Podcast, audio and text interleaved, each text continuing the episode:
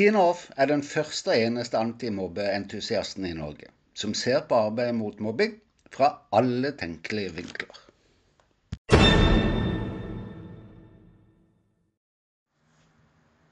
Kjenner du noen som trives skikkelig godt i jobben sin, som virkelig virker å ha uproblematiske familieforhold, som stråler av overskudd, og som en skulle ønske en kunne gå, om så bare for en dag, i skoen til? Jeg møter altfor mange foreldre som til tross for at de står på nesten 24 timer i døgnet, fikser og ordner som om de var sykepleiere, psykologer, spesialpedagoger, lærere, meglingsadvokater, sentralbordbetjenter og sjefer, alt på en gang, men likevel ikke kommer seg så langsomt til jobben. Familier som trues. Foreldre som ikke anses som en ressurs for sine barn, samtidig med at barna har det skikkelig vanskelig som følge av opplevelser utenfor barnets og dets foreldrets kontroll. Men i skolen? Ja, det er situasjonen for mange en familie. Jeg møter fortellinger som du aldri ville ha trodd kunne skje i Norge. Hver eneste dag. Og både du og jeg kan lese spaltemeter på spaltemeter om barn og unge som ikke opplever seg ivaretatt i skolen. Klart vi kan snakke om det i dag. Lærere, tipsene er til dere i dag. Velkommen til episode 46. Som den entusiasten som jeg ønsker jeg i denne episoden å fokusere på hva vi kan gjøre. Men så slår det meg er det ikke akkurat det så mange organisasjoner, mange enkeltforskere, organisasjoner og foreldre, ja selv barna og de unge sjøl, gjør i alle mulige anledninger? Gjør de det for døve ører? F.eks. at barn og unges psykiske uhelse øker i eksplosivt tempo? En lærer skrev akkurat et avisinnlegg med overskriften om alt kunne kalles for traumer i disse dager hvor en klager over at alle vet hva læreren skal gjøre, at de har peiling på alt og nesten kan jobben bedre enn læreren sjøl. Vel, det jeg tror, er at læreren er kjørt over med dampveivals og helt uten støtte og drahjelp for lenge. Ikke av foreldrene, men av sine sjefer og sjefens sjefer, helt opp til kunnskapsministeren i altfor lang tid. Har det gjort lærerne sårbare? Og derfor tyr til selvforsvar kanskje litt for kjapt. Uansett hva du syns, velger jeg altså det motsatte i denne episoden, og fremmer heller tips til lærerinspirasjon. Først, vi må ha noen faktatall på bordet. Over 22 000 barn og unge sliter med skolefravær. Av disse opereres det med antallet 12 000 som har skolevegring. En ukjent andel av disse har rot i mobbing. Jeg møter utfordringen titt og ofte. Ikke minst møter jeg fagfolk som fortsatt tror at skolefravær og skolevegring, akkurat som mobbing og atferdsutfordringer, bare skyldes mangel på vilje hos barnet. En karakterbrist. Og slettes ikke at det kan ha rot i helt andre årsaker. Jeg tenker at flere offentlige instanser trenger en justering av sine oppfatninger på dette området. Men siden det er skolen jeg kjenner best, holder jeg meg til det heretter. Når uhellet først er ute, altså at skolefraværet er betydelig, eller vi snakker om skolevegring, sier Funksjonshemmedes Fellesorganisasjon, altså FFO, det så godt i en konferanse for litt siden. Sitat. Det er viktig at vi klarer å ta ansvaret vekk fra eleven.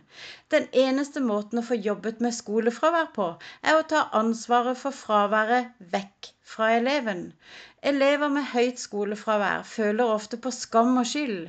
De føler og opplever at det er dem det er noe i veien med. Kun når ansvaret tas vekk fra eleven, og eleven virkelig føler at noen andre tar ansvar, kan eleven åpne opp for samarbeid. Noen nøkkelpoenger her. For det første, ofte har hver av de offentlige instansene et behov for å løse situasjonen sjøl, og da gjerne gjennom samtaler med barnet eller den unge direkte. Det er i og for seg forståelig, men likevel kanskje ikke. Det viktigste er jo at barnet blir møtt på deres behov, nemlig at man er mer forsiktig og sørger for at barnet blir overbevist om at voksne tar på seg ansvaret først. Og så at en samtale kan finne sted i en situasjon der det er mulig for barnet å samarbeide, sånn som det ble nevnt. Er vi for tidlig ute her, kan vi risikere å forsinke prosessen, påføre ytterligere belastninger for barnet, og dermed ikke handle til barnets beste. Det er det kanskje viktig å notere seg bak øret. Punkt to. Kanskje må vi minne oss sjøl og hverandre på at deres følelser da består i skam og skyld, samt at de opplever at det er noe i veien med dem. Kanskje forsterker disse følelsene nok gjennom medelevers direktehet, nysgjerrighet eller kommentarer som de får. Kanskje trenger ikke vi voksne bli atter en tilleggsforsterker. Dette har jo noe med hvilken holdning vi møter de i, og oppfattes av de. Ikke sant? Punkt tre. Å ta vekk ansvaret for fravær fra barnet da? Åssen gjør vi det? Barnet merker, altså sanser, som jeg har snakka om før, når voksne vil de vel, og ett til å stole på. Og det er barnets vurdering som er avgjørende. Når det er sagt, er det ikke noe tvil om at lærere virkelig har mange sjanser for å unngå at barna og de unge havner i noen av disse kategoriene skolefravær av betydning eller skolevegring i det hele tatt. La oss se på de. Det er én årsak til at jeg snakker så veldig varmt om bevisste valg første skoledag. Det å rive ned sosiale hierarkier elevene kommer inn med, og bygge nye opp basert på den gruppen som barna og de unge er, nå skal danne. Ikke minst er det å bygge så solide relasjoner elevene imellom så viktig. Selvfølgelig av flere grunner, men i denne sammenheng for å sørge for å ha en ekstra føler eller antenne i klassen. Med det mener jeg at om elevene har gode relasjoner seg imellom, så blir de jo ofte mer villige til å hjelpe hverandre. De blir mer robuste i møte med forskjellige voksne, og så fanger de lettere opp om en elev ikke er til stede eller ikke har det bra. Fanger de opp en sånn elev, vil de ofte selv følge opp eleven. Altså ved å ta kontakt, kanskje tilby å ta følge til skolen. Og hvis de ikke når frem, så sier de jo ifra til læreren. På den måten blir oppfølgingen av hver enkelt elev litt mer solid, og ikke bare avhengig av kontaktlæreren. Nei, det er ikke elevenes jobb å skulle sørge for at læreren fanger opp dette. Men det ligger nærmest som en positiv konsekvens av å bygge denne type klasserom som jeg snakker om. Poenget er da at det er så mange sjanser for å unngå at barn og unge skal komme så langt som til å slite med skolevegring. Ikke minst vil både medelevers eller foreldres bekymring absolutt være verdt å ta tak i med en gang. Det kan være kjekt å vite at eksponeringsstrategier for denne type elever kan slå skikkelig kontra.